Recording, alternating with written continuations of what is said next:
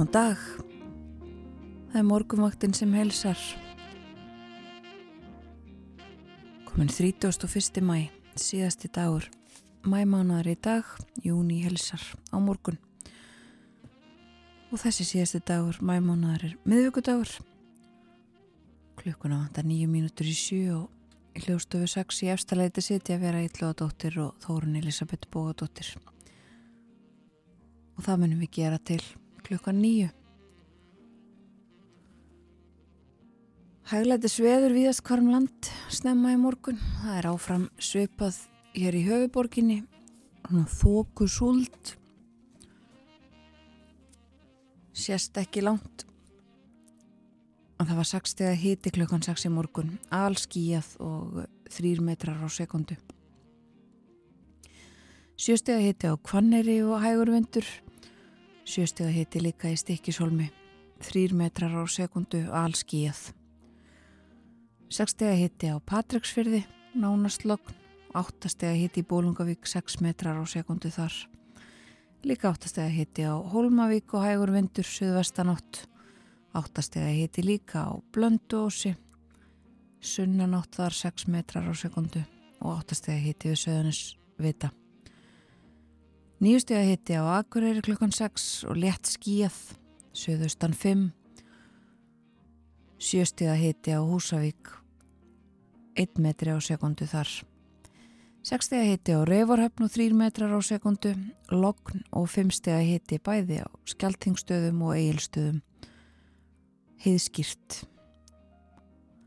8 stega hitti á Höfni Hortnafjörði og Nánarslogn. 7 stega hitti við Kvísker og áttastega hiti á Kirkibæjaklaustri. Sekstega hiti á Stórhauða í Vestmanniðum, kvassast þar á landinu af þessum viður aðtónastöðum, nýju metrar á sekundu. Sekstega hiti í Árnesi og hitin frá einni og upp í fjórar gráður á hálendinu. Tölvert rólegra veður sem satt í dagheldur en síðustu morgna, engin gul viðvörun í gildi en þá er það spurning hvernig horfurnar eru vera. Það er útlitt fyrir vestan og suðvestanátt í dag, víða 5-13 metrar á sekundu og uh, það verður yfirleitt létt skíjað um landið austanvert en skíjað með köplum vestan til á landinu og líkur á súld. Hitti frá 8 stigum við vestuströndina upp í 20 stig þar sem best lætur á suðaustur og austurlandi. Víðáttu mikil hæð er nú stött nokkur hundru kílometra söður af landinu, skrifar veðurfræðingur nú í morgunsárið og hún stjórnar veðrinu hjá okkur næstu daga. Það er útlitt fyrir kemlikt veður á morgun en úrkoman ætti þó að verða heldur þéttari á vestanverðu landinu mér sínist raunar útlitt uh, sangkvæmt spám í dag útlitt vera fyrir kemlikt veður ekki bara á morgun heldur uh, næstu daga. Já. Sól og blíða í kortunum fyrir norðun og austan og raunar sjáum við nú á spákortinu sól víða um landið í dag. En já, svo skiptist þetta svona næstu daga. Afskaplega hlýtt í kortunum fyrir austan. Engar uh, tilkynningar frá vegagerðinni sérstakar aðrar en það er að það eru þetta alls konar vega vinna í gangi svona til lengri tíma um allt land. Þetta er sá tími ársins. En ekkert um, ekkert svona sérstakt sem að þarf að taka fram. Það er ýmislegt á dagskrá morgunvaktarinnar í dag. Við ræðum um alþjóðleg efnagsmál Áskir Brynjar Torvarsson er statur á Ítalíu. Verðið með okkur þaðan og við ætlum að tala um málefni heilbriðiskerfisins og sjúkralega svona sérstaklega og uh, svo eru dönsk málefni líka á dagskráni en við heyrum lag. Gítar Íslandsjó hefja leik á morgunvaktin í dag. Þetta lag heitir Litfríð og ljósærð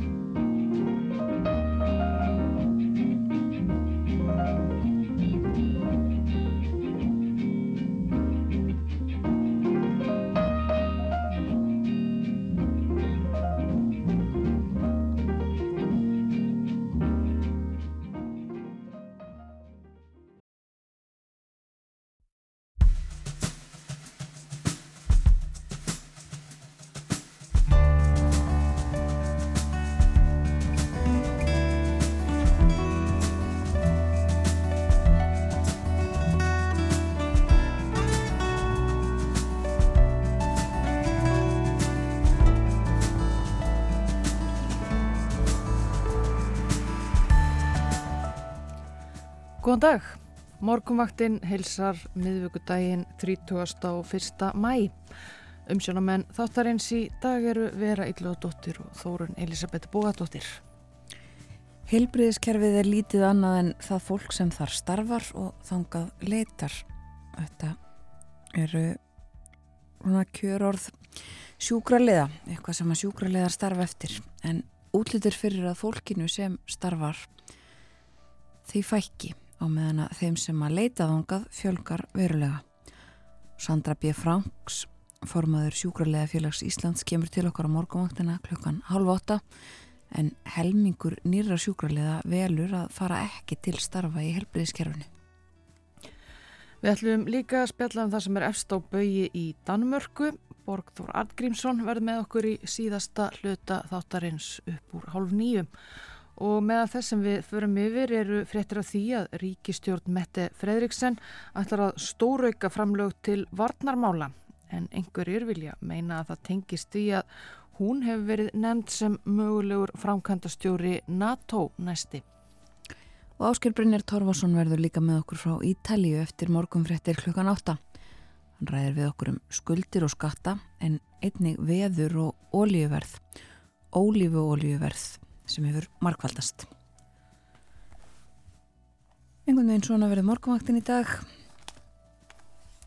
Spilum líka einhverja tónlist og fylgjum með frettum, skoðum í blöð bæði hér heima og úti í heimi og eh, við þurfum ekki að fara kannski náið yfir veðurspána hún er svipuð og verið hefur og verður næstu daga keimlíkt veður við áttu mikil hæð sem er stödd nokkur hundru kílometra söður á landinu stjórnar veðrinu næstu daga útlitt fyrir vestan og söðvestan átt í dag viða 5-13 metra á sekundu Yfirleitt létt skíjað um landið austanvert en skíjað með köplum vestan til og líkur og súld.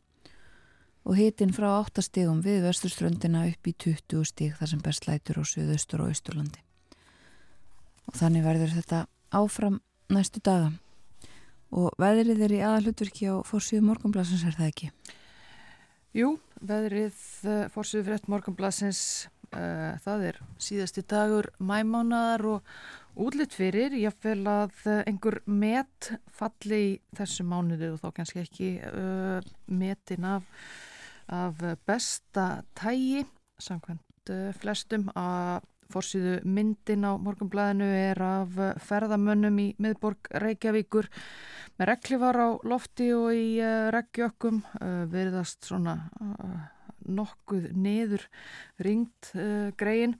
Sólarleysismetið geti fallið hljómar uh, fyrir sögnin. Uh, ekki færri sólardagar í mæ í Reykjavík síðan 1951. Það eru líkur á því að uh, rúmlega 70 ára gamalt sólarleysismet í mæmánuði falli í uh, þessum mánuði og uh, rætt við Trösta Jónsson við fræðing á fórsíðu morgunblassins sem segir já, þetta ansi góðan möguleika á, á þessu. Þarna í mæ 1951 mældust solskinstundirnar í Reykjavík í mæmánuði 102,2 og þegar Trösti tók stöðuna á mánudagskvöld síðastliðinu þá voru sólastundirnar orðnar 93,5 í mæmánuði og sem sé þrýr dagar eftir af eh, mánuðinum. Mælist eh, sólskinstundir þeirra þryggja daga færri en 8,8 verður mánuðurinn nú sá sólarlausasti frá upphafi mælinga.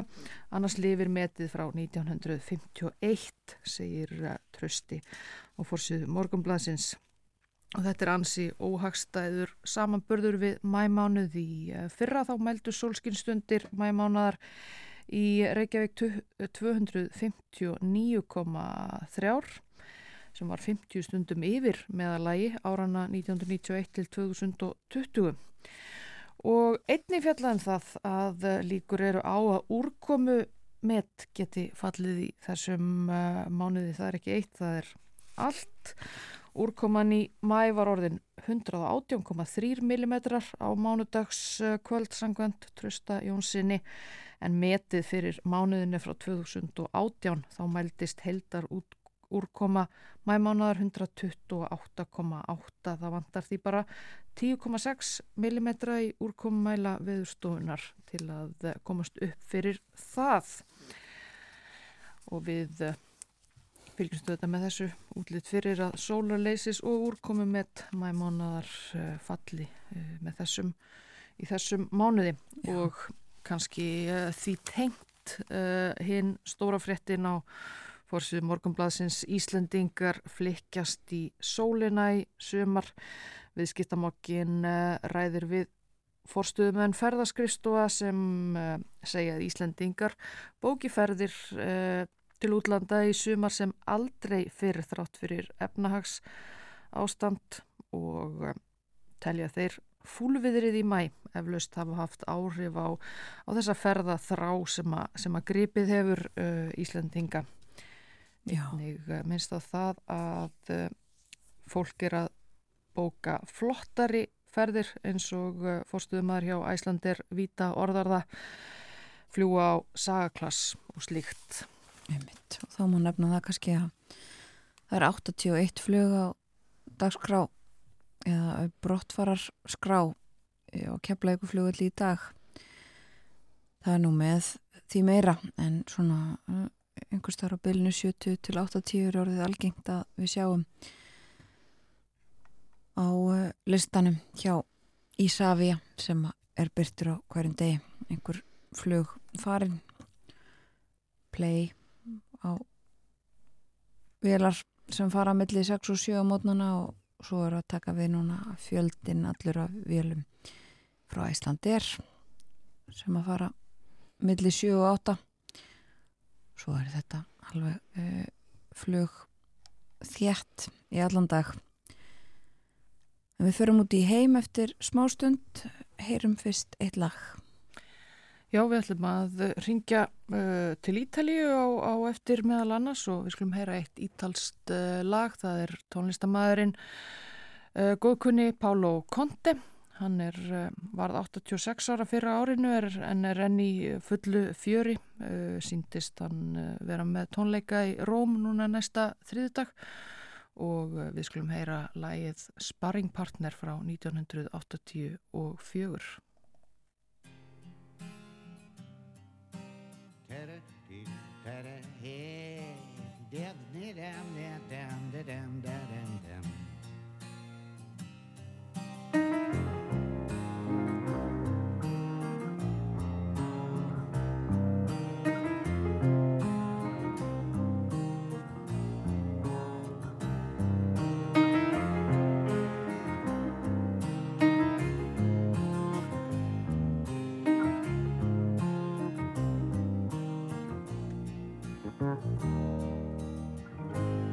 Macaco senza storia, dice lei di lui.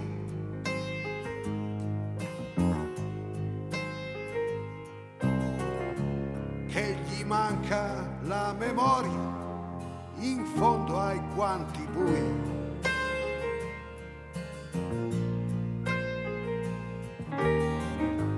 Ma il suo sguardo è una veranda tempo al tempo e lo vedrai. Che si addentra nella giungla no non incontrarlo mai.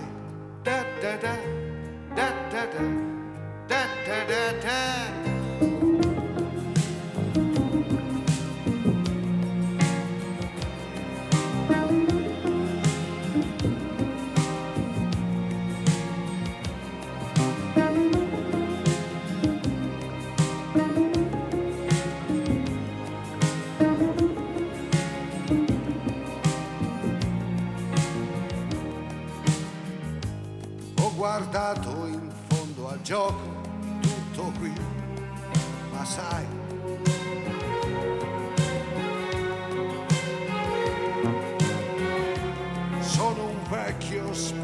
partner e non ho visto mai.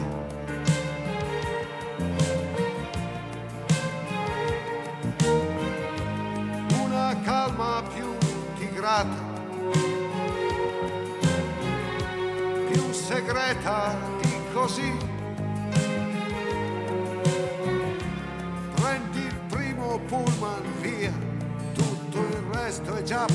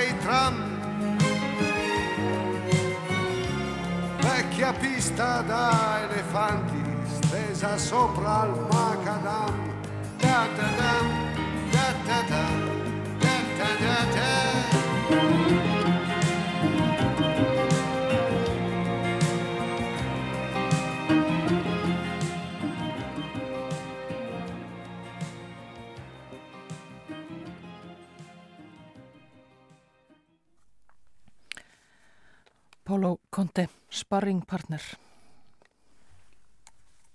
og uh, við förum já til Ítalju hér á eftir og raunar líka til Danmerkur ræðum dönsk málefni en lítum aðeins út í heim á Erlendar frettir einhver síður núna um, og uh, eitt þeirra mála sem við ætlum að ræða hér á eftir við Borgþór Artgrímsson aukin framlög dana til varnarmála og tengsl þess máls við uh, Allandsarfbandalæðið eru til umfyllunar á fórsíðum danskra fjölmjöla í dag.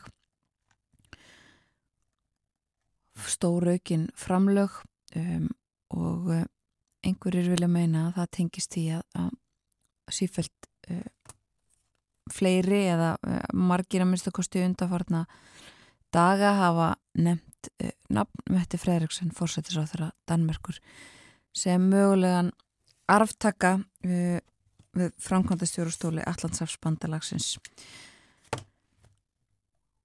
Það er þannig að Jens Stoltenberg hefur óskað eftir því að hætta að láta af störfum um, og þá hefur nafn hennar komið upp oftar og oftar hún hefur þó sagt sjálf að hún hefur engan áhuga á þessu starfi en þetta ræðum við, við Borgþór Atgrímsson hér á eftir.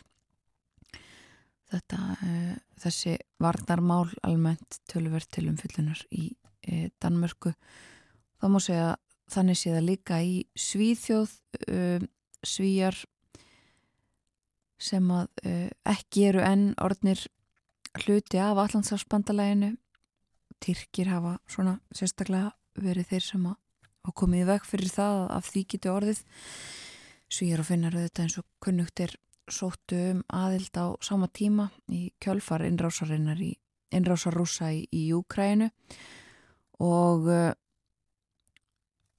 finnar komnir þangað inn uh, sagt frá því í fréttum að stuðningur svíja við aðild hefur vaksið mjög undarferðið ár samkvæmt nýri konun um það byrj uh, 67% eru fylgjandi aðild og stuðningur eikst í næri öllum hópum.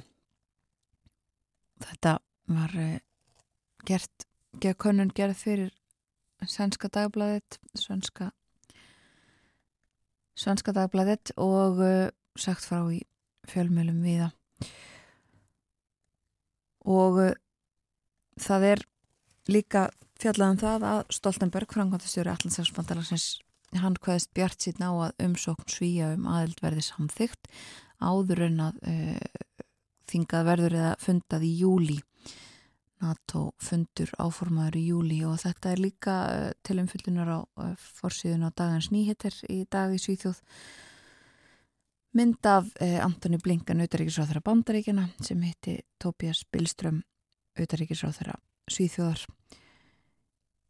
í Svíþjóð og Blinkan á því að svona verði þetta líka og, og svíjar verði með á þessum fundi í júli og uh, fleira tengt uh, svipuðum málum því að uh, það er eins og fyrrsaði Tyrkland sem að hefur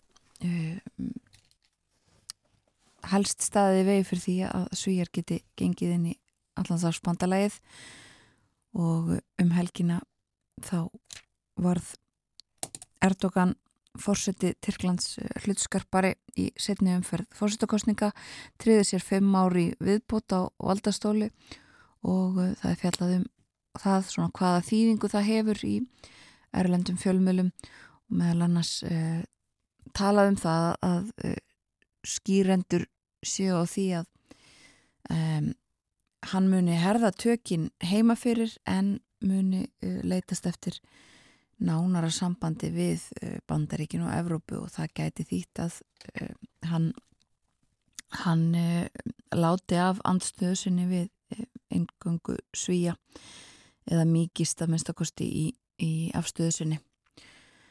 Nú um, töluvert mörg mörg ennskblöð fjalla um uh, bref frá 350 hátsettum uh, í gerfigrindar yðnaðinum sem að kalla eftir því já, einu sinni enn að þau mál verði sett í forgang á heimsvísu að ná böndum, koma böndum á gerfigrindina því að annars hreinlega geti hún útrýmt mannkininu fjölmarkir sem að skrifa undir þetta bref og fjölmörg uh, ennsk blöð sem að uh, er með þau mál á, á forsíðunni. Þetta geti uh, orðið risa stór ógvaldur við heiminn allan og á pari við kjarnorku stríð og, um, og heimsfaraldra og marg sannsagt blöði í Englandi sem að taka það upp á forsýðu og önnur uh, fjalla um Boris Johnson og stjórnvöld í London sem að eru sökuð um að vera hilma yfir eitthvað uh, því að ekki fást afhend uh, gögn, upplýsingar og skilabóð úr WhatsApp uh, forritinu, skilabóðaforritinu sem að uh, Boris Johnson og fleiri notuðu uh, meðan að þau voru við völd á COVID-tímum með mitt, faraldurs tímum. Þetta er svona sitt hvað úr erlendum fjölmjölum. Við ræðum erlend málefni sem fyrir segir aftur eftir morgunfréttinar klukkan átta. En eh, heyrum annað lag. Skulum heyra annað lag með ítalanum Pálo Conte. Þetta heitir Komedi.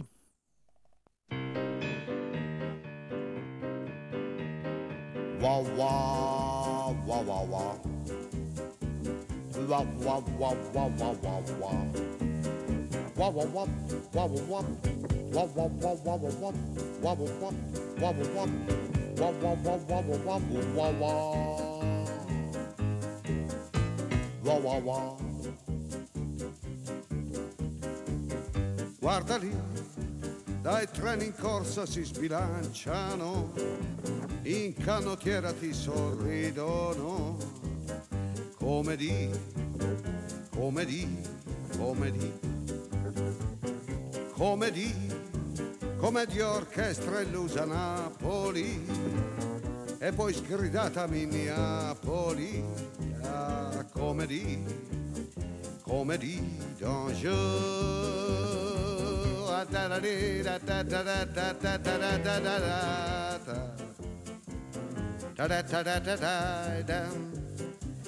comédie d'un jour À d'un jour ta vie La comédie La comédie La comédie La comédie Wa wa wa wa wa Wa wa wa wa wobble wop, wobble wop, wop wop wop wobble wop, wobble wop, wobble wop, wop wop wobble wop, wah wah, wah wah. Ma cos'è la luce piena di vertigine? Sguardo di donna che ti fulmina, come di, come di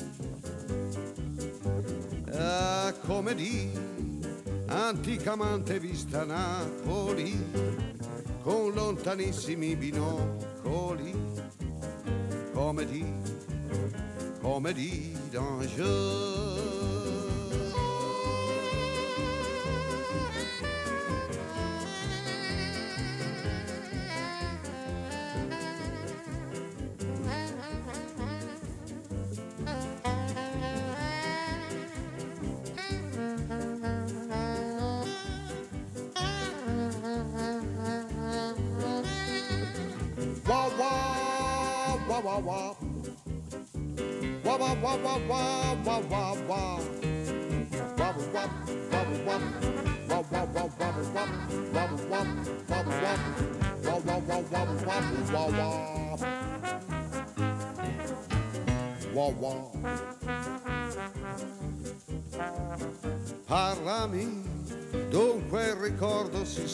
Semplifica nel suono dolce ed infelice qui, come di, come di, come di, come di, come di orchestra che precipita in un ventilatore al Grand Hotel, ah, come di, come di, come di.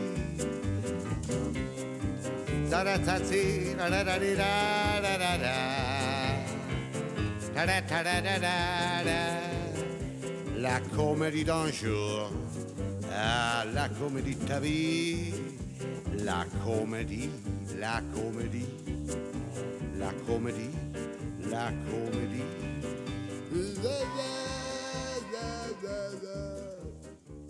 La, la, Þetta var Pálo Conte, sönglag sitt uh, Comedy frá uh, árinu 1984 kom það út á uh, plötu sem hétt einfallega og heitir Pálo Conte.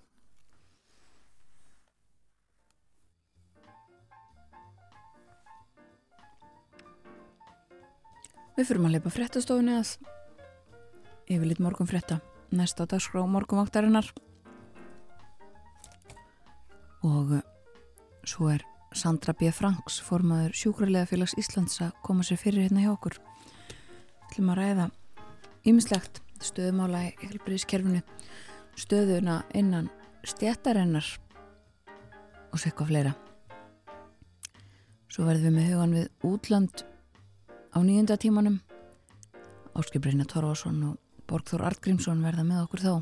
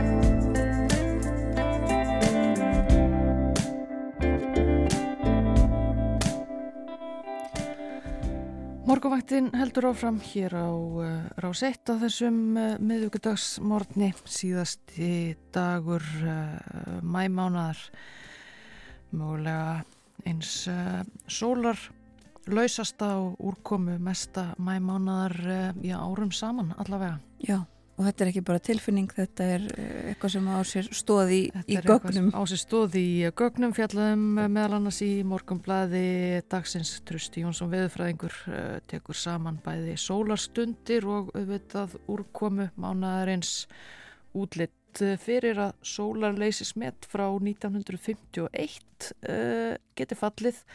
Hann á eftir að taka saman síðustu sólskins stundirnar, hann Trusti og uh, sömuleiðis úrkomu met frá 2018 í uh, mæmánuði fjallaði þetta í morgunblæðin í dag og fá mörgla frekari fregnir af, af þessu þegar júnimánuður gengur uh, loksins í garð. Já, eflaust. Fylgjast með því og segjum frá hér á morgunvaktinni. Við erum áhuga fólk um veðrið eins og reyndar fjölmarkir íslendingar en uh, minnum á það eftir að hér á eftir þá verður Áskil Brynja Torfarsson með okkur frá Ítalju í þetta skiptið. Við ætlum að ræða svo litið um uh, stöðumála þar svona í teilefni þess að hann er þar stattur og ræðum um stöðu efnagsmálana og þar spilar inn í Suður Európu spilar inn í verð á ólíu eh, ólífólíu það eh, er eitthvað sem er fylst með daglega rétt eins og ráólían sem að, eh, hefur meiri áhrif annar staðar. Og eh, Áskiprinni segir okkur frá þessu og svo í síðasta hlutu þáttarins verður Borgþór Artgrímsson með okkur. Dönsk málefni þá á dagskráni en næstu mínúturnar þá er það helbriðismál, helbriðiskerfið sérstaklega út frá sjúkraliðum. Það var haldið fulltrúaþing hjá sjúkraliðafélagi Íslandsum liðna helgi og uh, sendt út álugtun að uh, því þingi loknu og hjá okkur núna á næstu mínúturnar er Sandra B. Franksson formaður sjúkraliðafélags Íslands velkomin á morgunvaktina. Já, takk fyrir. Mér langar að byrja áður en að við förum í uh, uh, þessa álygtun og, og svona ræða þau mál bara hreinlega að spyrja þig uh, að því þú varst á þessum fundi með fulltrúum uh, þinnar stjættar. Hvernig uh, fannst þér hljóðið vera í þínu fólki, í sjúkraliðum? Sko sjúkraliðar eru að alla jöfna mjög svona lausnamiðar og ráðagóðir uh, einstaklingar skipað fólki sem að, stjættinni skipað fólki sem að er sér hlutin í lausnum en við finnum það að það er þungur svona, þung undiralda í, í stjættinni og hún ræðist af því að það er mikið álag vegna mönnunar vanda, mönnunar eh, skort á sjúkrarlegum og það er líka þau hérna svona starfskýliði sem að margir af okkar félagsmönnum er að vinna í, þeir eru bæði er uh, vinnum hverju þannig að það er ekki ekki þægilegt að því leita að það er mikið hlaupið um og hérna e, á deildum þar sem að þær eru þannig skipaðar að, að það er langt að sækja í svona aðfeng að þá er e, umhverfi að þýleiti óheppilegt þannig að álægið er, er, er þannig í aðra röndina. Og á hinvegin er það líka þannig að það er e, fáar hendur, alltaf fáar hendur að vinna verkin. En Já. þannig að þetta er svona e, staðan um, þannig að það er svona má segja við erum áhyggjufull um, og er það alveg sama um mitt hvort að um er að ræða þá sko sjúkrarlega inn á, inn á uh, spítalum eða, eða annars það er sjúkrarlega auðvitað að vinna uh, víða já, í helbriðskerfinu. Já, þeir vinna við, mjög víða, þeir vinna náttúrulega bara allstaðar í já. kerfinu. En all flestir eru á landsspítalan, það er náttúrulega staðist í vinnustaf landsins uh, En svo eru við náttúrulega að vinna bara á öllum heilbyrjastofnunum á landsbyðinni og sinnum náttúrulega eh, heimahjúkurinn, sinnum kjarnastar sem heimahjúkurinnar og svo eru við náttúrulega á hjúkurina heimilónum þannig að það er, það er náttúrulega bara það sem að fólk þarf að þykja nær hjúkurinn, þar eru sjúkrarlegar. Já, og fólk allstaðar svona uh, þungt, það er ekki bara einmitt á, á, á landsbytalanum. Nei, það Nei. er bara það er að vantar uh, starfsfólk sem hefur þessa sérfræði þekkingu að sinna nærhjógrun að þá er bara mikill vandi á ferðinni Já. því að við þurfum náttúrulega að fá þetta er, þetta er þannig þjónust og hún er sérhæfð mm. og það er ekkit hvers sem er sem getur gengið í þessu störf og, og það er fyrir séð að það er vaksandi vandi vegna þess að fólk er eldast og það verður meiri svona e, þungi á, á þörf eftir þjónustu það er mikil eftirspurn eftir uh, þjónustu hjúgrunar á Íslandi þannig að það er bara, þetta er eitthvað sem er bara fyrir séð og við mm. þurfum að fara að bregðast við þessu. Já, þið dræði þetta mitt fram í, í uh, álugtun uh, eða segja af þessu fulltróðingi ég fór rang með að um liðina helgi, ég meinti mm. liðinni viku, þetta var í síðustu viku ekki sett, ja, en einmitt það sem þið dræði þetta fram, mönnunavandin uh, er gríðarlega áskorun, uh, mannfjöldin hefur aukist um 40.000 á fimm árum og fjöldi eldri borgara hefur aukist um eh, næstu því 20% á sama tímabili og það eru þetta hópur sem að þarnast þessar hjúgrunar sem þú ert að tala um, Já, þessar ég- þjónustu Já. og uh, það er ekki alveg svona nógu góður tölunar uh, meða við þessar tölur af sko fjölda sjúkraliða. Nei, nei, nei, það er alveg rétt. Það er hérna ekki nægileg nýliðun í stettinni. Það, það er bara áskorun sem að stjórnvöld standa frammi fyrir og við þurfum að reyna að bæta verulegi. Við þurfum að tryggja e, betri e, starfsafkomu þessara stetta sem að er að vinna við hjúgrunn og sjúkraliðar þeir hérna uh, hafa sótt fram að því leiti að það er hafa bætt við sig viðbóta þekkingu eða semst viðbóta mentun. Við erum hérna núna í fyrsta skipti að fara í hérna að sjá eh, hóp sjúkraliðar að útskrifast úr fagháskólanáminu og það er semst uh, viðbóta nám sem að bætir þá sér þekkinguna er hjúgrunar uh, sem er kend á, á háskólanum á Akureyri. En þetta er bara lítill hópur sem að er svona að riðja breytina sem er að útskrifast en við sjáum fyrir okkur að því fleiri svona námstækifæri sem eru í stjettinni því meiri möguleikar eru þá á svona, má segja, starfsþróunar möguleikum þannig að fólk kannski ílengist frekar í starfinu og það náttúrulega viljum við sjá að fólk geti haft þetta af æfistarfi Mm -hmm. en svo er staðan þannig líka hjá okkur í sjúkurlega stjettinni þannig að uh, námsmenn okkar, eða sérst, það fólk sem að fer í sjúkurlega nám er freka fullorðið. Meðal aldur þeirra sem er að útskrifast úr sjúkurlega náminu er í kringum 36 ára. Já. Þannig að þetta er uh, stjett sem er fullorðin og hérna og fram að þessu hefur hún ekkit elst neitt sérstaklega vel út úr uh, æfistarfinu þannig að margir hverjir fara út úr æfistarfinu bara með skerta helsu þannig að það er heldur ekki gott.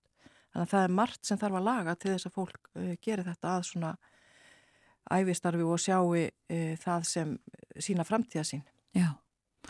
Og svo er það líka það uh, að uh, sko eitt er einmitt uh, fólk sem fer í námið útskrifast sem sjúkraleðar Mm. og svo er annað hverjir skila sér inn í helbriðskerfi, inn í þessu störf sem að vantar í og þar hefur heldur ekki verið Nei, það er alveg rétt. Það er hérna sjúkarlega námið sem slíkt er mjög hendugt að því leiti að þetta er góðu grunnur fyrir þann sem ætlar að fara í frekara nám á Já. hilbriðsviðsynda sviði. Þannig að maður hefur alveg skilning á því að, að það er ekkit allir sem að gera það að æfistarfa að vera sem sjúkraliði. Hins vegar þarf að skapa betri skiliri fyrir þá sem velja það að vera sjúkraliðar og vilja bara vera í því starfsumhverfi að sinna fólki í nærhjúgrunn og, og þá eru einmitt þessar leiðir hvað er hægt að gera. Við sjáum það fyrir að það þarf náttúrulega að hækka laun, það er bara grundvallaratriði og laun sjúkraliða eða laun hvenna stjætta á Íslandi eru almennt lægri, það er 10% launamönur á Íslandi vegna kynskipts vinnumarkaðar þannig að það er hægt að taka á því mm. Þannig að það er svona hluta af þessu en ef við ætlum að fara að framlega fleira fólk sem að vinnur í þessum, þessum geira að þá þurfum við að hugsa, hugsa svolítið út fyrir bóksið. Við þurfum að sjá hlutina í öðru, öðru ljósi finnst mér að því leiti að við hérna, þurfum að horfa á uh, heilbrískerfið uh, verkefni sem við ætlum að fara að fjárfesta í. Við þurfum að fara að fjárfesta í innviðanum og, og við þurfum að fara að fjárfesta í, í fólkinu sjálfu sem ætlar að vinna í kerfinu. Og ég er með svona ákveðna hugmyndur um það hvernig við gætum hugsanlega nálgasta verkefni og það er svona leið sem að ég hef fram að þessu ekki heyrt um geti hérna á Íslandi. Það er að vera með svona launað nám.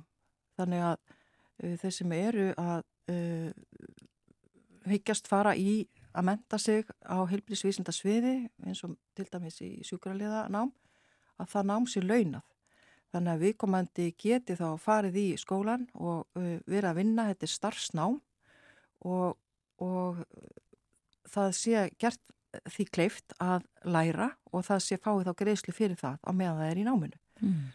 Og þannig getum við þá náð betur utanum kannski stærri hóp og uh, náði fleiri einstaklingar sem hafa áhuga en hafa fram að þessu ekki séð, að, séð sér fært að geta farið í námið af því það er náttúrulega, við vitum það, að það kostar að vera í námi. Þannig að þá getur við allavega náð til þeirra sem að e, vilja starfa við þetta. Og síðan mættu hugsa þetta kannski ennfrekar lengra inn í heilbrískerfi þannig að við sjáum fyrir okkur að aðrar greinar þar sem að skortur er á starfsfólki að fara þá leið að, að fjárfesta með þessum hætti þannig að fólk sé þá í launuðu námi. Já. Og jafnvel hugsaðlega með þá ykkur um afslætti á námslánánum sínum þegar að ef að fólk þarf að hérna, eða hefur þurft að fjárfesta í slíku námi fram að þessu að, að hugsa það með ykkur um öðrum hætti þannig að það sé hægt að, að laða fólk með því að ebla svona að kvata til þess að fara í þetta umhverfi og, og það eru náttúrulega alltaf peningarnir sem að skipta sköpum í því. Já, er þetta eitthvað sem týðkast annars það er að gera? Uh, ég veit að þessi leið er í bóði í Danmörku svona með launanám en uh, hvernig útfæslan er, hún er náttúrulega bara mismunandi það er það er ekkert hérna alveg tæmandi svona listum það hvernig hvernig ætti að gera þetta. Þetta er bara svona hugmynd sem að þarf að þróa það og aðlaga að íslenskum aðstæðum. Mm. skólakerfin eru ólíka eftir löndum þannig að þetta svona þetta er bara, þegar maður fær svona hugmynd þá verður maður einhvern veginn að komin út og svo verður maður bara að reyna að þróa hann áfram. Já, og hefur, ég, ég hefur komið þessari hugmynd á framfæri við yfirvöld til dæmis, ráð þeirra eða, nei. Nei, við, ekki, ekki með þessum beina hætti sko, ég hef ekki gert það en við höfum rættið þetta innan stjættarinnar mm -hmm. og, og sjáum alltaf svona frekari svona kannski, má segja meiri jákvæðni gagvart þessar hugmynd að þetta gæti verið e, farvegur fyrir okkur til að fjölga í stjættinni og það þarf náttúrulega huga að jafnbræði, við vitum það, að, en, en það sem skortur er á fólki þá þarf að grípa til sértækra aðgerða og það geta verið tímanbundi, það geta líka verið til lengri tíma. Þannig að með því bara að varpa þessari hugmynd fram að þá eru við allavega komin uh, með það í loftið að þetta sé okkur leið sem er alveg hægt að skoða. Þannig að ef við ætlum að í alvöru að, að reyna að festa uh, þjónustuna þannig að hún sé bara heimsmæli hverða á Íslandi í heilbyrjumskerfinu, að þá þurfum við að hugsa líka þannig að við erum þar Mm -hmm. Við erum náttúrulega með þeim tíustu, ríkustu löndum í heimi og við viljum vera þar. Við erum velferðarsamfélag og um, hverki heimir er eins mikil atvinni þáttaka hvenna eins og Íslandi. Þannig að það eru hérna alveg margir resursar sem við getum alveg gripið til til þess að horfa svolítið út fyrir bóksið og lifta okkur að, að reyna að finna lausnir af því að, að það er alveg, við getum það. Það er bara viljin. Já. Um, taka sjúkralegar þá undir það sem að hefur verið sagt um, meðal náttúrulega læknara álugta og fleiri verið að tala um það einmitt að í rauninni sé það sem að stjórnvöld uh, hafa talað um sem sókn í helbriðismálum það, það sé lítið annað heldur en einmitt bara um, bygging nýs spítala að sóknin felist í rauninni bara og fjármáknið þar það þurfum miklu meira til inn í þessa innviði kervisins. Já, ég held að við séum öll á sömum blassíðu þar. þar. Við sjáum þetta bara þannig að það er ekki nóg að byggja hús og flotta eh, byggingar með tægjum og annað það þannig að fólk til að vinna verkin og það er mikill skortur á þessum helbriði starfsmunum eins og ég sagði bæði varðandi hérna, helbriðsfólk sem að sinni hjúgrun og svo líka sérgrínalegnarnir þegar það er skortur á þeim og við sjáum þetta alveg í, í kortanum hvar kreppir að og, og þá þarf að gefa í það, það sem að þar vantar. Þannig að það er ekki nóg bara að byggja hús, við þurfum að fá e, fólk til að vinna verkin og við þurfum að fjárfæst í fólkinu og hvernig gerum við það öðru sem bara með þessum leiðum, með því að styðja við það að fólk fari í námið og auka kvatana til þess að fólk vilji verið í náminu og sjáu það að það geti unni að þessu, þessum verkefni og haft það æfistarfi að vera sjúkarliði eða, eða hvað annað hvers konar helbíðstafsmaður hérna, sem hann vil vera. En þetta er bara hluti sem við þurfum að vinna svolítið betur með. Já, mann finnst samt eins og þetta hafi verið sko, í umræðinni í svolítið tíma um, þá ekki að koma stjórnvöldum neitt og óvart að það sé fyrirsjánlegur skortur til dæmis á sjúkraliðum. En um, gerist bara ekki neitt í þessum málum eða uh, hvernig, hvernig upplifið þið viðhorfið gagvart ykkur innan uh, stjórnkerfisins? Sko mér finnst þetta að vera álgert ráðalessi. Ég, hérna, þetta er verkefni sem búin að vera í umræðinu ábyggla í 20 ár. Ég var að lesa gamla skýslur, 20 ára gamla skýslur þar sem er verið að fjalla um skorta á sjúkarlöðum. Og hér er ég ennþá, hérna, 20 ára setna eftir þessi skýsla var gefin út, að það er skortur á sjúkarlöðum og, og það hefur ekkert neginn ekki verið uh, fundin farfugur til þess að reyna að Eh, vinna eitthvað viti til þess að reyna að fjölga í stjættinni. Þannig að það er, þannig að það, ég vil bara tólka að þannig að þetta er alveg dráðalessi. Og þá hugsa maður, sko, hvað getur maður gert til þess að reyna að finna lausnir og, það gerir maður kannski bara einna best með því að tala við fólk á vettvangi þar sem er að vinna störfin, e, hvað er það sem að laðar fólk inn í, í, í nám og þetta er það sem að ég tel á þessu augnabliki vera leið sem mm -hmm. hægt er að, að skoða mjög vel að reyna þá allavega að, að bjóða fólki til þess að sækja sjúkurlega nám og vera á launum á meðan þannig að Já. þetta er bara hluti af því sem ég sé fyrir mér í, í eins og staðin í dag ég held að það sé búið að skoða marga aðra þætti og það stendur til að, ég veit ekki hvað þessi búið að, að stopna sjóð uh, sem á að styrkja sem sagt uh, uh, bæði þetta verkefni að fjölga í sjúkurlega stettinni og svo líka til þess að ebla rannsóknir. Það er eins konar hérna, uh, heilbríðsvísindasjóður uh, en ég veit ekki alveg hvernig uh, hvaða þýðingu það hefur að stopna slika sjóð ef það er ekki búið að ramma inn hvað á nákvæmlega að gera til þess að fjölga í helbískerfunu, fjölga, fjölga fólkinu. Þannig að það er ekki, það er ekki lausna að, hérna, að ráða erlenda hérna, sérfræðinga eða e, starfstektir hjúgrunar í, í þessi störf. Það er, það er skortur um alla veröld á helbíðstarfsfólki. Þannig að við þurfum einhvern veginn að byggja þetta upp bara hérðan frá, bara frá okkur sjálfum. Við þurfum að búa til þetta e, þennan áhuga og, og það að við séum að styrkja okkar eigin stóðir til þess að tryggja það að fólk á Íslandi geti þegið þjónustu helbíðiskerfisins á þess að býða í marga klukkutíma og, og eða jafnvel ekki fengið þjónustuna. Nei. Langar að spyrja aðeins í lokin Sandra, þú nefndir auðvitað áðan hluta þessu eru auðvitað laun, þau eru kjör uh, og það eru auðvitað eitthvað sem að þið gerir sjúkrilega félagi Íslands Eh, standi verðum kjör eh, ykkar félagsmanna og, og uh, gerðu sam, skamtíma samning eins og svo margir og, og ég veit ekki betur en að viðræður séu hafnar um næsta samning mm -hmm. um, Mér langar að spyrja þig hvað er finnst um fréttir af hækkunum ráðamanna sem að greintu hefur verið frá í fjölmjölum síðustu daga um, launahækkanir sem að eiga að taka gildi 1. júli Já, ég er náttúrulega bara hugsi yfir þessari hérna hugmyndum hækkun en það sem að er að gerast þar er, er að þeir skýla svo bak við laga ákvæði þetta sem sérst lögbundið að svona ég þetta vera. En auðvitað lög náttúrulega bara mannana verk og, og þegar við erum að semja um okkar kaup og kjör að þá er ákveðið þak á því hver að fá mest, eða semst hækkunin hún er upp að ákveðinni krónutölu. Og ég sé fyrir mér að þetta sé bara einhver hugsun að villaði þarna í þessari framkvæmd ef að þetta verður að veruleika því að þetta er náttúrulega bara galið að, að þeir sem er að stýra landinu að hækka meira heldur en allir aðri sem er að berjast fyrir því að, að eiga ofanir sjá á. Þetta er bara einhvern veginn ekki alveg í samræmi við það sem við viljum sjá. Þannig að ég, ég hef trúa því að þau bara hljóta leiðrétta þetta. Bara, þetta er bara sjálftaka af fyrir ef að fólk ætlar að stýra landinu með þessum hætti fólki sem er að semja lög, lög í landinu og sem, semja þau þannig að þeir fá meirinn allir hinnir. Það er eitthvað, eitthvað bóið við það. Og ekki gott innlegin í ykkar kjaraverður? Nei, það er bara enn meiri, meiri fætingur og átök sko ef þetta verður eitthvað. Ég hef ekki trúið því. Ég, ég held að fólk sjáu það þannig sem er á þingi að ég vil allavega trúa því að, að þannig verði það að þetta verði svona má segja leiðurétt ég, ég bara ég trú ekki öðru en að það verði að veruleika að fólk bara átti sig á því að þetta er ekki rétt að leiðin Kærar þakkir fyrir að koma til okkar á morguvaktina Sandra B. Franks, formaður Sjúkrarlega félags Íslands og ræða við okkur um stöðuna í helbreyðiskerfinu og stöðuna í, sjúkrarlega stjættinni Já, takk sem leis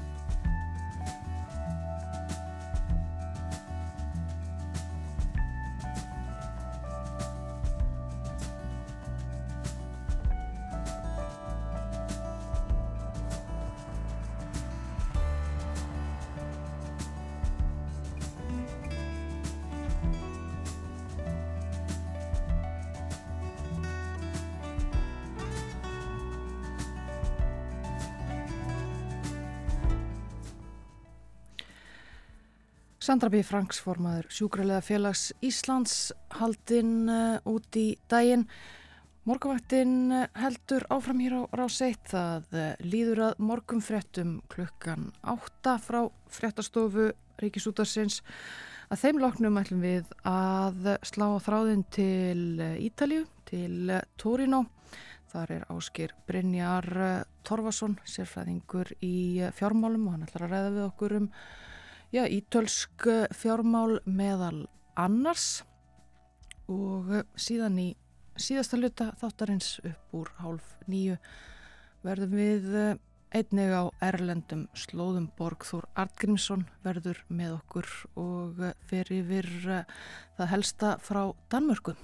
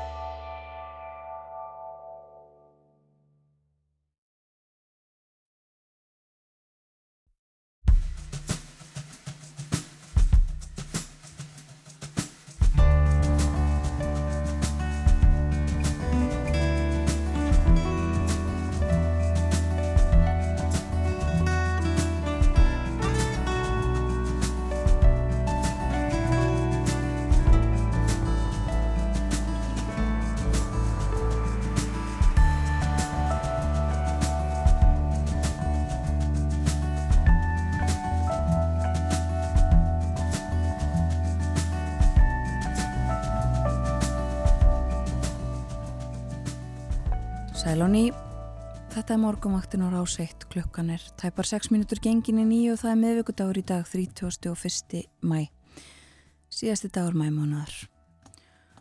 Og uh, Sandra B. Franks, formað sjúkrilega félags Íslands, var hérna hjá okkur fyrir fréttinnar. Rætti við okkur um stöðumála í helbriðskerfunu, stöðumála uh, í sjúkralega stjettinni og uh, sagði meðal annars að hún uppliði ráðaleysi gagvart því að uh, fjölga fólki í helbriði stjættum, ekki síst í stjættsjúkralega þar sem að fyrir séð er að 40% sjúkralega fari á eftirlaun á næstu 15 árum. Og helmingur þeirra sem að fer í námið uh, ratar ekki inn í stjættina, þar að segja ekki inn í helbriðskerfið Og hér á eftir þá ræðum við um dönskmálefni.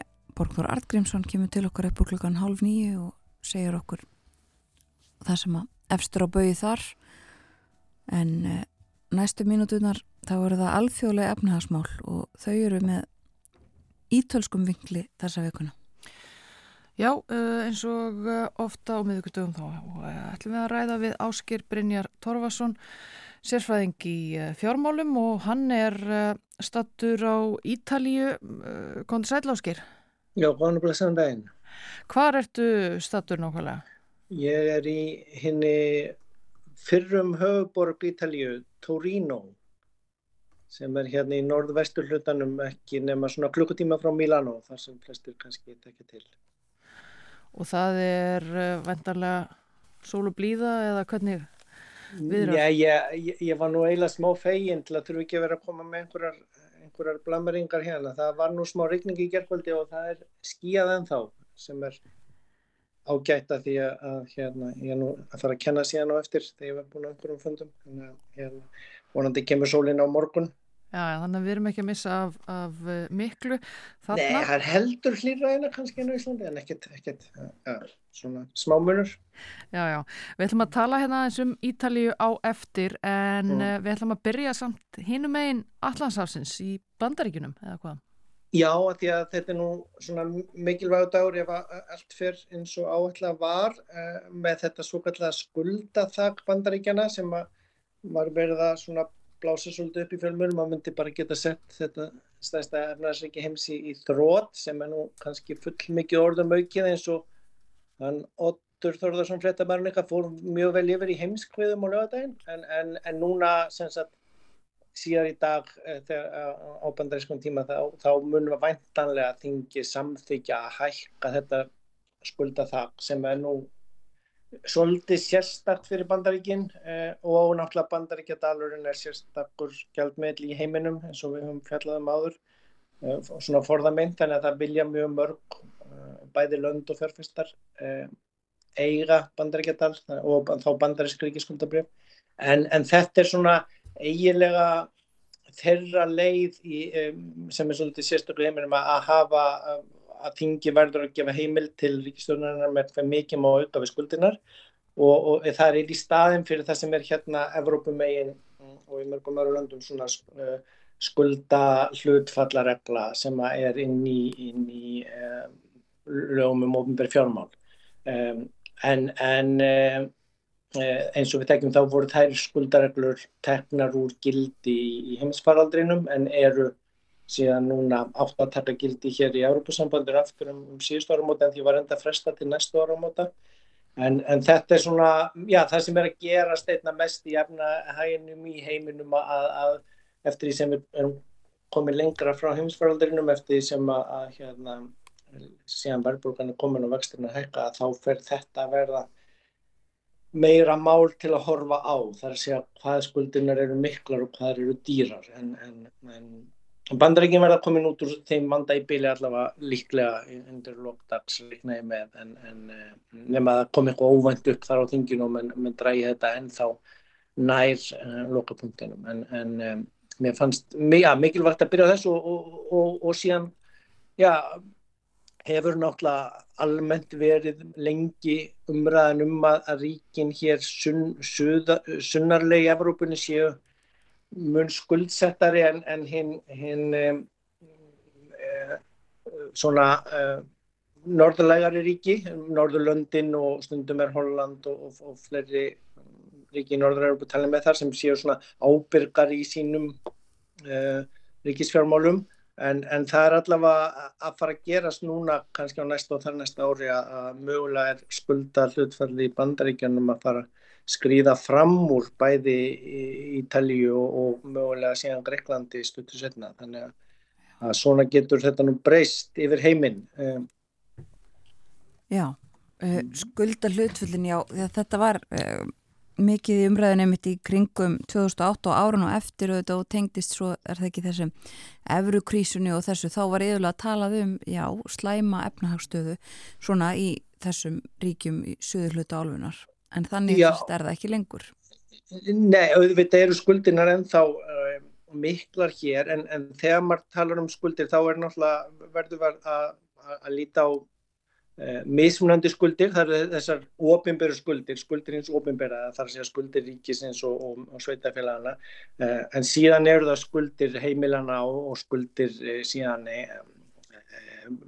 engamarkaðins eða fyrirtækjana, þannig að, að, að það, það er um, það er sko já, búið að vera sögulega náttúrulega Uh, me, mun meiri skuldir hér og, og það eru þessar samevrópsku reglur um að það eigi ekki að vera yfir 60% af landsframleðslunni skuldir eins og ofinbæra en, en eftir heimisfaraldur var nú meðaltali í Evrópu komið ansið nálat 100% um, uh, og það er verið að endur skoða núna í ár uh, þessar reglur, það, Maastricht sáttmálanum verður ekki breytt þannig að þessi 60% tala verður inni áfram en hins vegar snýr breytingin sem er að fara fyrir Európutingið í haust að snýra því hvernig um, ríkin eiga að lækka skuldinar. Það er að segja uh, skuldar hlutfallsreglan er eitt en síðan ef þú ert yfir þessum mörgum um, sem eru reyndar mjög lægir á Íslandi, þau eru bara 30% þar en 60% í Európa en ef, ef þú ert með skuldir umfram það hámarka þá er eh, viðbútarreglan, skuldalækkunarreglan sem segir til um hvernig þú ætti að borga hana niður þessa umframskuld mm. og það er verið að lengja í því núna og milda það eh, til þess að það sé ekki að valda samdrætti í efnahæginum sjálfur sér eins og var svolítið reynslan frá bæði Greiklandi og, og reyndar fjallu undir þetta, þetta var, var nú kallað uh, Pixlöndin eða Gips, sem sagt Greikland, Ítalja, Portugal og Spát sem voru svona þessi skuldsettur ríki um, sem að, já, hafa verið kannski með svona um, yfir 60 og upp í, upp í 120 og núna alveg upp í 150, 60, 70% skuldir meðan að Norðurlöndin og, og Holland eru kannski svona bara, já, undir 60% markin og jáfnveil um 50-40% þau, þau eins og Noregur sem er með minnst. Þannig að, að um, það, það, það er svona, eh, já, það sem er, er að fara að gerast og hefur áhrif en, en auðvitað má maður ekki gleyma því að og lærdómurinn síðan þarna eftir 2008 mm, og gegnum eurokrísuna 2010 og 12 að var sá að, að ef að það er færð of harkalega fram í þessum samdraftar aðgerðum og, og skuldalækkunar skildunni að þá býr það bara til samdrátt sem að þá mingar efnaðarsumsjöfum, mingar landsframleystina mm -hmm. og þá í raun og veru hækkar hlutfallið því þú, þú lækkar nefnaran sem er við að því að skuldin er alltaf hlutfalla landsframleyslinu þannig að það er svona þessi, þessi umbreyting sem er í gangi í reglum hverfinu hérna megin. Já. en já um, En sko þetta eru um eitt uh, skuldirnar og skuldalhutföllin uh, mm. og, og skuldirnar uh, verða kannski einhverju leiti til að því að það er verið að eigða því sem ekki kemur inn í, í ríkisjóðuna og það eru náttúrulega tekjurnar, skattekjurnar hjá, hjá ríkjónum.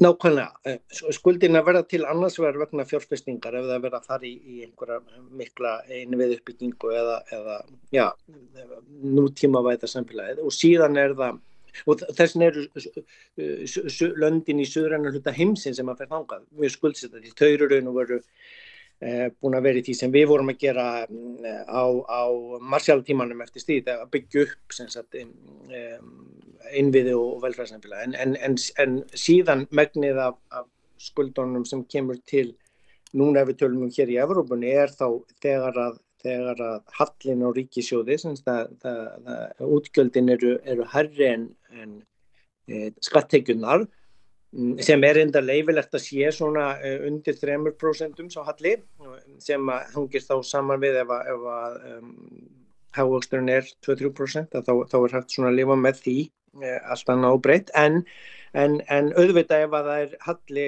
um, stöður og, og, og tekjunar minni en, en útgjöldina þá sapnast uh, það upp í viðbútarskuldum og, og þess vegna verðum maður að skoða Mm, já, skatttekinar og skatt hlutföllin e, í samhengi við það til að, til að e, skilja bæði hvernig það er verið til og síðan líka hitt hvernig gengur að borga, það er niður að borga af þeim skuldunum. Já. Já, og sko ef við skoðum það með skatt, skattalhutföllin, hvernig Já. lítur svo mynd út? Já, þá er hérna náttúrulega þekkt að velferðaríki Norðurlandana eru náttúrulega með, með háa skattlagningu og kannski já, bandaríkin og, og hinn anglósaksísku land með mun, mun lægri eh, skattlutfall sem við talaðum, hlutur skattana í hildarlandsfamleyslinni en, um, en, uh, en, en þarna og þarna eru bæði alþjóðagjaldirisjörn og, og, og stofnarnar eins og OECD sem að reyna að taka þetta saman og gera sambaralegt og, og, þá eh, að því er nú hérna að, að þá er náttúrulega eh, sko ekki bara Norðurlundin sem liggja þar í topp. Danmörk, þeir að fara að tala um bortur og eftir. Danmörk leiðir eh, þessa, þessa hvað þú segja, keppni í landani að vera með sem mestar skattegjur, þau eru alveg um, um, upp í 47% af þeirra landsóminslu sem kemur inn í skattar Uh, en, en síðan eru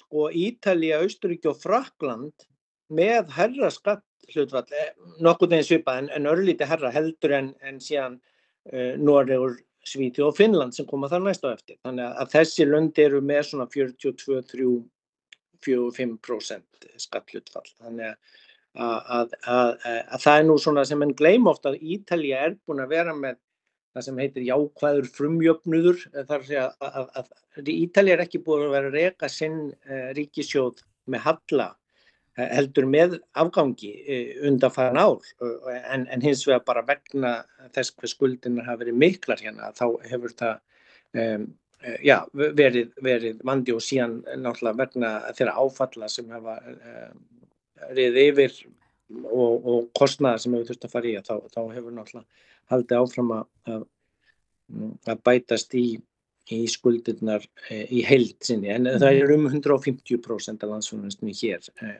en, en, en, en þar síðan í viðbútt skiptir náttúrulega máli hvað skuldina kosta, það er að segja vakstakostnaði sem að Európski Sælbankin hefur, hefur haldið niður en ég vildi bara svona benda á þetta með skattalhutvaldi að Ísland er síðan miklu neðar uh, bara rétt um meðaltal uh, OECD-landana uh, í kringum 35%. Já. Þannig að þannig er sko 10% munur næstu því á, á því hvað er verið að taka inn í, í skattekjur. Það sem við, við þið á Íslandi eru, eru já, mun lagra en bæði Norrlöndin og líka við hérna á Ítalíu og, og, og Östuríki Fraklandi þannig að, að þetta er svona rétt að, að muna þegar að það er kannski annars haldnar, já haldið upp einhverjum gömlum úröldum klísjum um, um, um hérna eh, hvernig þetta sé já betra að verra norðar eða sunnar. En, en, en, en eins og ég fjallaði um síðast ég var inn í janúar líka þá er það náttúrulega líka hvað mikið kemur inn í eh, landsframleiðslu útreikningin og útgjöldin. Þar að segja ef maður vil skoða eh, útgjöldin í til dæmis eh, þar að segja þá hvernig þessi, þessi skattingur er notaðar að útgjöldin til til dæmis fjölskyldu uh, stuðnings og, og, og, og barna mm. að þá uh, eins og ég nefndi hérna síðast að þá náttúrulega er sko leikskóli hér bara upp í þryggjára aldur að því að skólakerfi byrja þryggjára um, og, og, og það er engin, engin skólagjöld í, í, í, í grunnskólan sem er skilda frá þryggjaraldi þannig, þannig að, að, að sko, það er alltaf svolítið erfitt að gera samanbörnum að maður fari niður í niður svona smáadriðin og, og e, þannig að, að já, að það er svona mm, já, það eru plussar og mínusar á mismunandi hliðum en, en, en, en hérna Eh, en, en það er auðvita eftir því sem að skatteikunar eru meiri, þeim mun meira er hægt á að eigða í, í, í útgjöld hvort sem það er til hérna, e, í, í barnabætur eða, eða launsjúkurarleðana eins og þeim voru að tala um aðan. Akkurat, akkurat. Við skulum verja hérna síðustu mínútonum okkar uh, áskiprinjar í uh, umhverfisvinkilin. Um, við ætlum að tala og við höfum búið það hér að við ætlum að slika að tala um ólífólíuna.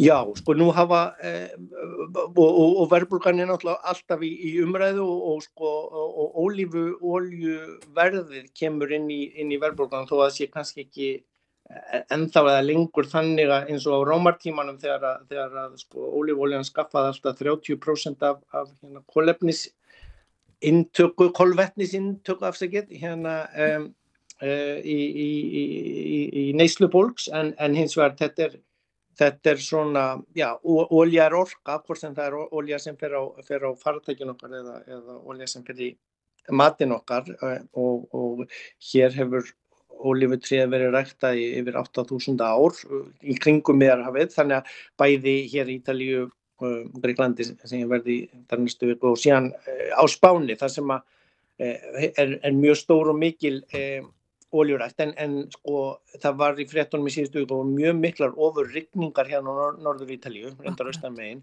en það eru ofur þurkar á spáni. E, og þetta er eiginlega svona, já, byrtingar mynd e, loftslags hamfarana inn í efnaðarsmálinn, þar að segja að, að það er, eh, já, verð, verða heilmikil ofinbjörn útgjöld hér í, í lagfæringar eftir skemmtinnar á ofurregningunum og Európa sambandi leipur stannum tilbaka með ítölum en, en um, verðbólgan hins vegar getur farið að aukast á næstu árum áratugum í meðarkorfunni vegna þess hvað ólífu og oljuverðið er að hækka e, þegar að ofur turkanir á spáni valda því að það verður miklu dýrara því að framlega hana því að þú þarft vatn og, og vinnuafl til þess að að vögva ólífu trjáa akkurinn og, og síðan að, að týna olífutnar til að búa til um olíu. Þannig að í bara, já, áður en að, áður en að stríði byrjaði í Ukrænu þá var eh, verðið um 2000 eurur uh, á, á uh, olífóljunni uh, en, en síðan er það, já, fór upp í 3000 í gegnum, gegnum stríðu og hækkanar en núna þegar þessir miklu þurkar og, og já, verðbólka sem er að, að koma á ýmsum liðum eh, að þá er þetta búið að rjúka upp í loksíðast árs og núna í byrjun þess árs upp í sko 4000, 5000 og er komið núna yfir 5500 eurur eh, og ekki svona sjáanlegt að það verði hægt mjög mikið að, að eh, já, draga úr kostnæðinum við framleysnuna ef að það verða áfram svona Eh, öfgafullar eh, sveiflur í veð, veð, veðrinu. Akkurat. Mm. Já, við kannski komum aftur aðeins inn á ólífólíuna einmitt eins og þú nefnir þegar þú verður í Greikland eftir halvamónuð og við ræðum saman næst en við komumst ekki lengra í, í þetta skiptið. Kærar þakkir fyrir í dag Ásker Brynjar Torvason á Ítalið. Já, ta takk fyrir mig.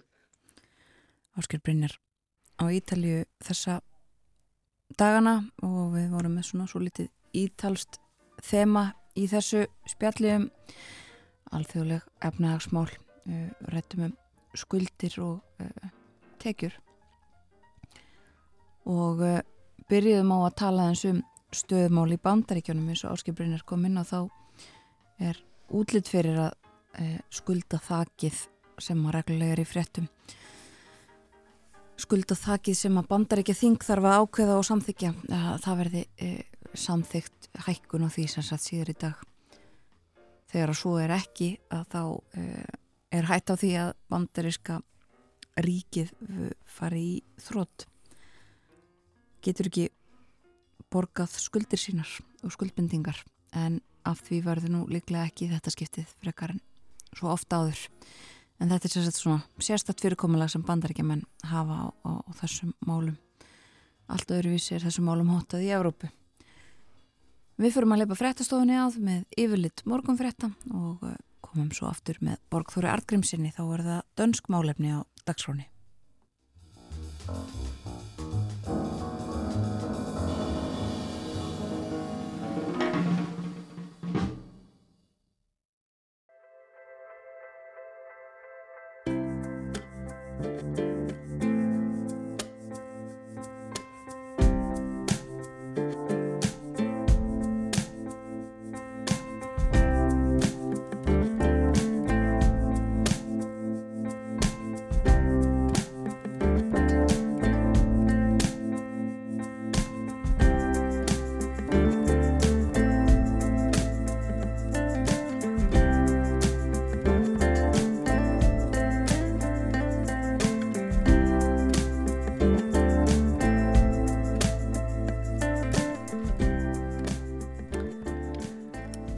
Morgunvaktinn á ráseitt heldur áfram síðasti hálftími þáttarins. Við verðum með okkur með okkur til uh, nýju Þórun Elisabeth Bóadóttir og Vera Ílóðadóttir á þessum uh, miðugudagsmotni síðasti dagur mæmánaðar 31. mæ í dag.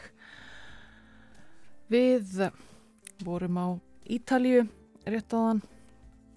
Rættum fjármál skatt á skuldir við Ásker Brynjar Torfarsson sem aðeins stattur í Torino á eh, Ítalju en eh, nú er ynga komin Borgþór Artgrímsson og eh, það þýðir að venjulega, venjulega þýðir að það að rætt verður um dönsk málefni. En við ætlum þó að halda okkur örlítið lengur við eh, Ítaljum. Við ætlum að byrja á að ræða þessum eldfjallið etnu á Sikilei. Góðan dag, Borgþór. Já, góðan dag. Uh, já, þú varst sjálfur líka á Ítalju. Já, já. Og etna er eins og, eins og uh, þú nefndir, en eiginlega út út úr frá okkar svona venjulega danska spjalli. En það er nú ástæði fyrir þessu. Uh, ég er nýkomin heim frá Ítalju og var um kvítasununa á Sikilei í borginni Catania sem að við með okkar íslensku áherslum göllum náttúrulega Cataníu e, er á austuströnd eigunar. Ég var aðna ásamt mínu betri helmingi og vinafólki og á kvítasunnu morgun, við komum daginn áður eða daginn þar áður, þá fórum við í skoðunaferðum borgina í rútu og á leiðinni á þennan stað, þar sem rútan lagði upp, uh, rættu við um það hvað veri einkennilega dimmt og þetta geti nú alltaf verið venjulegt, hluta verið eitthvað, eitthvað sérstætt og skömmu eftir að rútan fór stað, þá fór að rigna ösku blandari rigningu. Og um, þeir sem sátu við opna gluggan auðvitað náttúrulega strax dröfnóttir í framann og, og, og föttin líka. Og rigningin hún stóð nú ekki lengi en uh, stýtti bara upp og eftir smá tíma þá gæti maður dustað af sér öskuna og skildi, hún skildi ekki eftir neina bletti og hvað fannst það skrítið Já.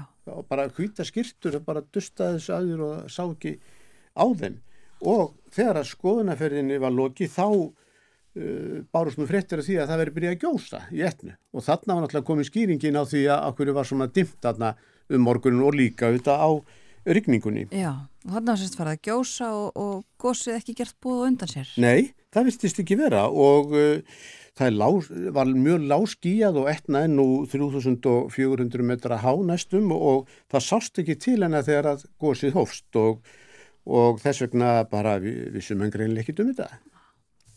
Var þetta mikið eh, öskufall? Hafði þetta mikið láhrif á samgöngur eða annað? Nei, það var ekki mikið öskufall. Það er, eh, okkur var sagt að það væri vilt bara í byrjun goss og, og í öryggiskinni var nú flugvellinum í Catania sem er stóri flugvellinu þarna á Östurlutanum að lokaði nokkrar klukkustundir og íbúður í litlu þorpi í vindáttinni, þeir voru fluttir á brott en fengu fljótlega snú heim, það var örgulega bara verið að kanna hvort það væri nokkuð gas í loftinu og svona svo bara uh, var ekkit meir um þetta að tala, það var svona smá frétt um þetta og smá fréttur, nú væri hún ennþá að og eitthvað svona og en uh, þeir viltist ekki kipa sér mikið upp í þetta, en maður sá náttúrulega það svona dampaði aðeins upp af fjallinu, þetta sést fjallinu er mjög hátt og sést víða að.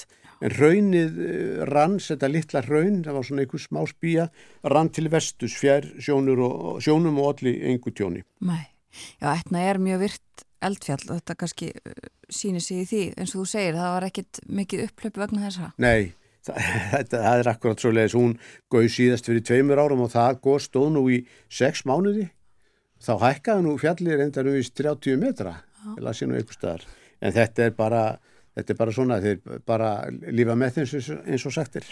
Já.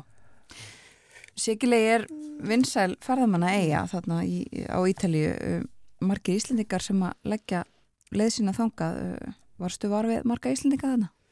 Nei, ekki á Sikilegi, alls bara engan nema þennan litla hóp sem að ég var í og, og við vorum nú fyrst í nokkara dagir Róm og þar hittum við einn íslending í Péturskirkunni og það var nú kannski alveg við hæfið, það var prestur, það var Sýra Þóraldur Heimisson, hann var þar með eh, íslenskan hóp en, en þar með upptalið af þeim íslendingu sem við urðum vör við.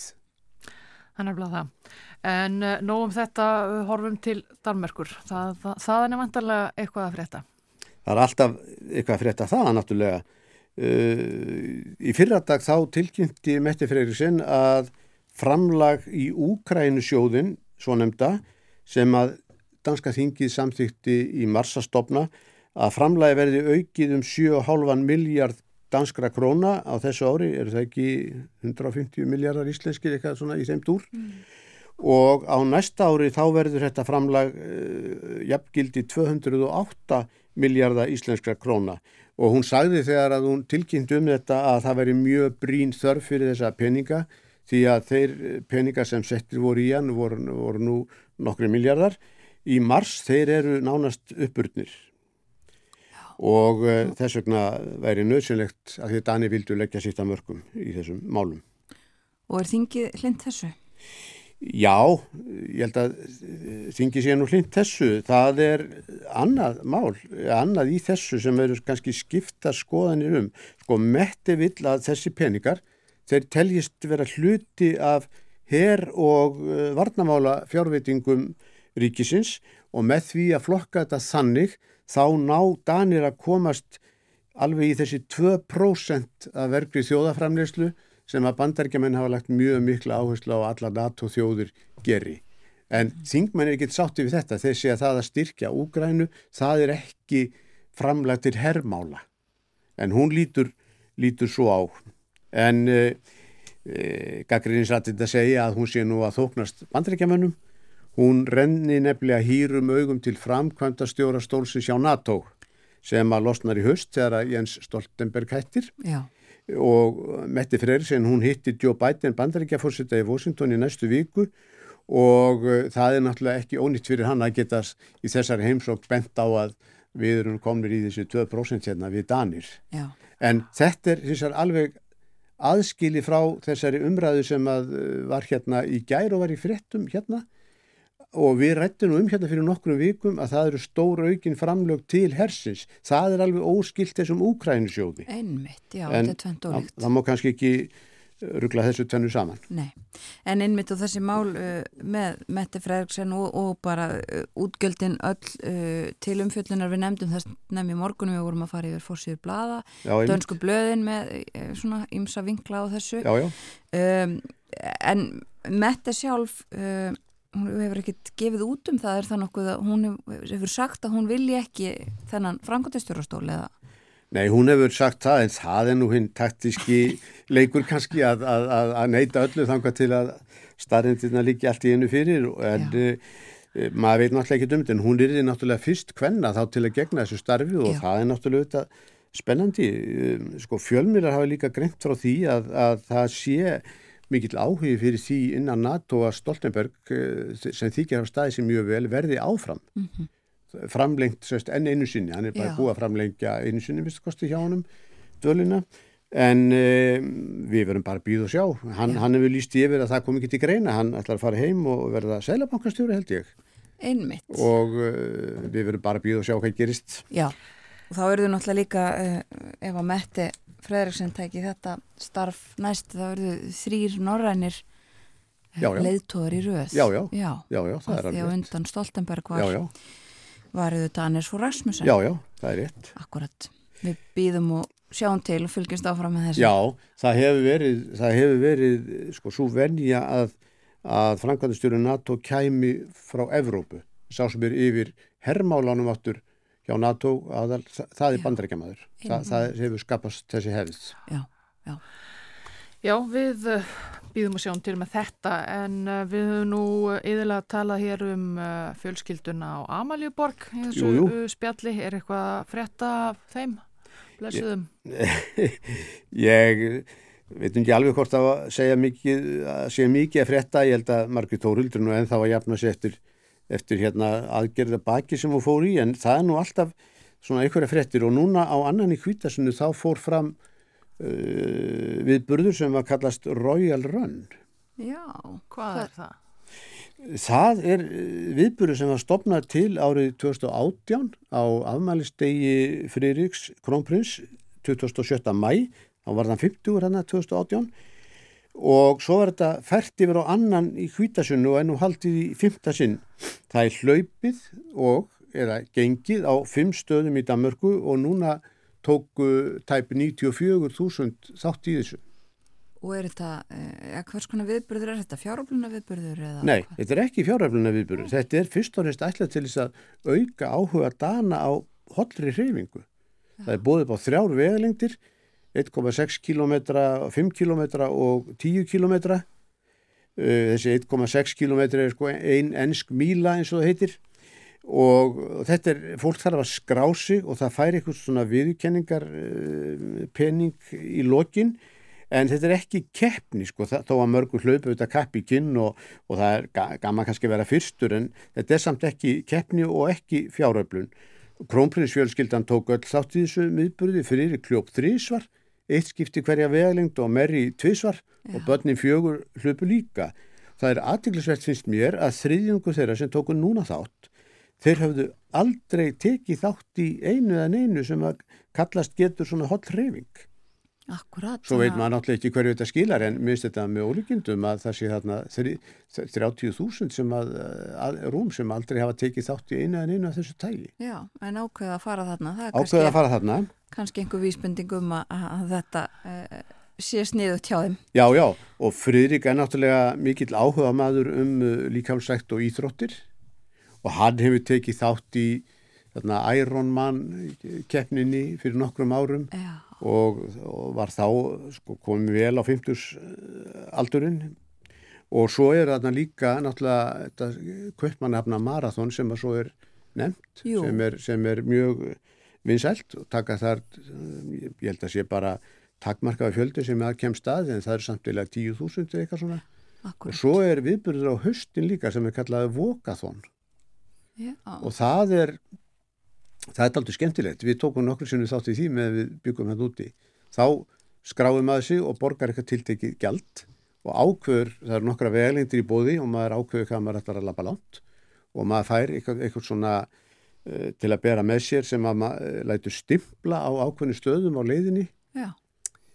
bara til þess að sanna að maður hafi komið þar. Og svo þegar maður er koni á leiðarenda þá, þá skila maður þessu, þessu korti og ný í þessu tilviki sem við höfum tókuð þátt í þessu var þetta risastór skókassi, það var ekko sem var styrtaraðili í þessu. Og þeir borga jafnframt tiltekna upphæð á hvern einasta kílometra sem maður gengur. Já. Og maður gætt valið ég held að fyrirkomulega sé óbreytt maður gætt valið hvort að, að peningarnir færu til dönsku hjartavendarsamtakana eða til SOS barnaþorpana ég þóru ekki að segja að þetta sé alltaf sömu aðilandir á hverju ári Nei. en það við vissum svo sem ekki dum þetta þegar við fórum fyrst í þetta en, en komum svo raunum það að við vorum ekki eini í hópi þarna voru 18.000 að ganga Já. og maður hefur allan daginn til þess að ja, frá mótnana og fram til klukkan fjögur maður getur stoppa á kaffjúsi þess að nefna við þetta er engin keppni þannig Einmitt, þetta er sem sagt og það eru örglega fleira af þessu tægi Já Huguleg reyfing. Já, huguleg reyfing. Í falleri borg. Já, já, og ef veðrið er gott. Já, akkurat. Það ringdi nú stundum á mann. Já, það kemur fyrir. Það kemur fyrir. Það kom að danska læginu, Borgur. Já, uh, það er Den dæliste món, eins og það heitir. Já. Það er með hljómsutinni Gnags, það þekkja þetta nú, þessar hljómsut margir íslendingar, hún er, hún er, hefur starfað alveg óslítið frá 1966 Já. og náttúrulega orðin einhverja mannabreitingar en samt svona aðalmenninir eru alltaf þeir sömu. Það, og mér ástund hlægilegt þegar ég var að lesa um þetta að þeir eru svo ungir þegar byrjuðu að uh, aðalsöngvarinn sem að hérna Pítur Agge, hann varði að taka hlje vegna sem hann fór í mútur hérna þegar þið voru búin að starfi í tvö ár og, eins, og var, tók þá hlje á meðan en hefur síðan verið í hljómsveitinni Þetta er tekið upp 87 þessi, þessi upptaka sem við heyrum núna. Já, við hlustum. Takk fyrir í dag, Borgþór Argrímsson. Já, takk sem leiðis.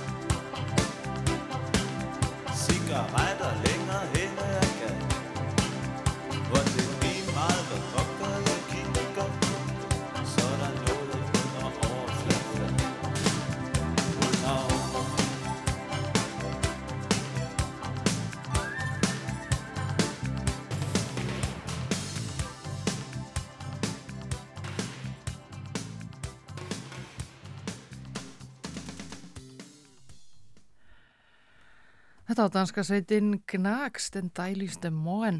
Það var Borgþór Argrínsson sem eh, kom með þetta lag í eh, fórum sínum. Hann var hér að eh, ræða um dönsk eh, málefni.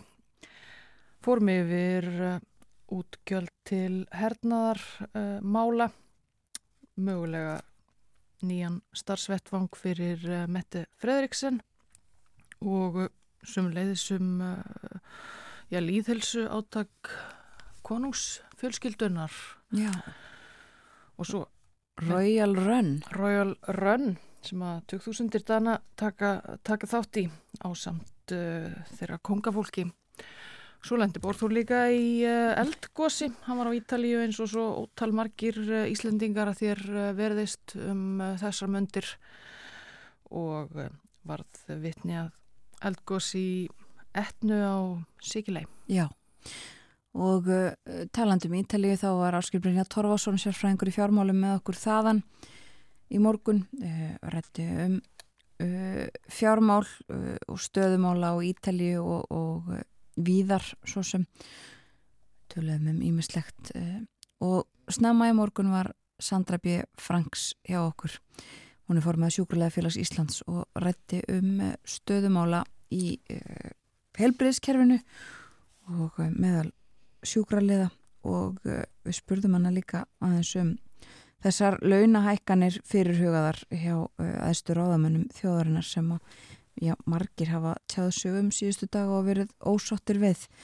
Katrín Jakobsdóttir fórsættisráð þar að hafi sagt að uh, þetta uh, fyrirkomulag uh, þetta var þess að var komið á með lögum og væri betra fyrirkomulag heldur en það sem áður hefði týðkast í, í launamálum aðstur ráðamanna.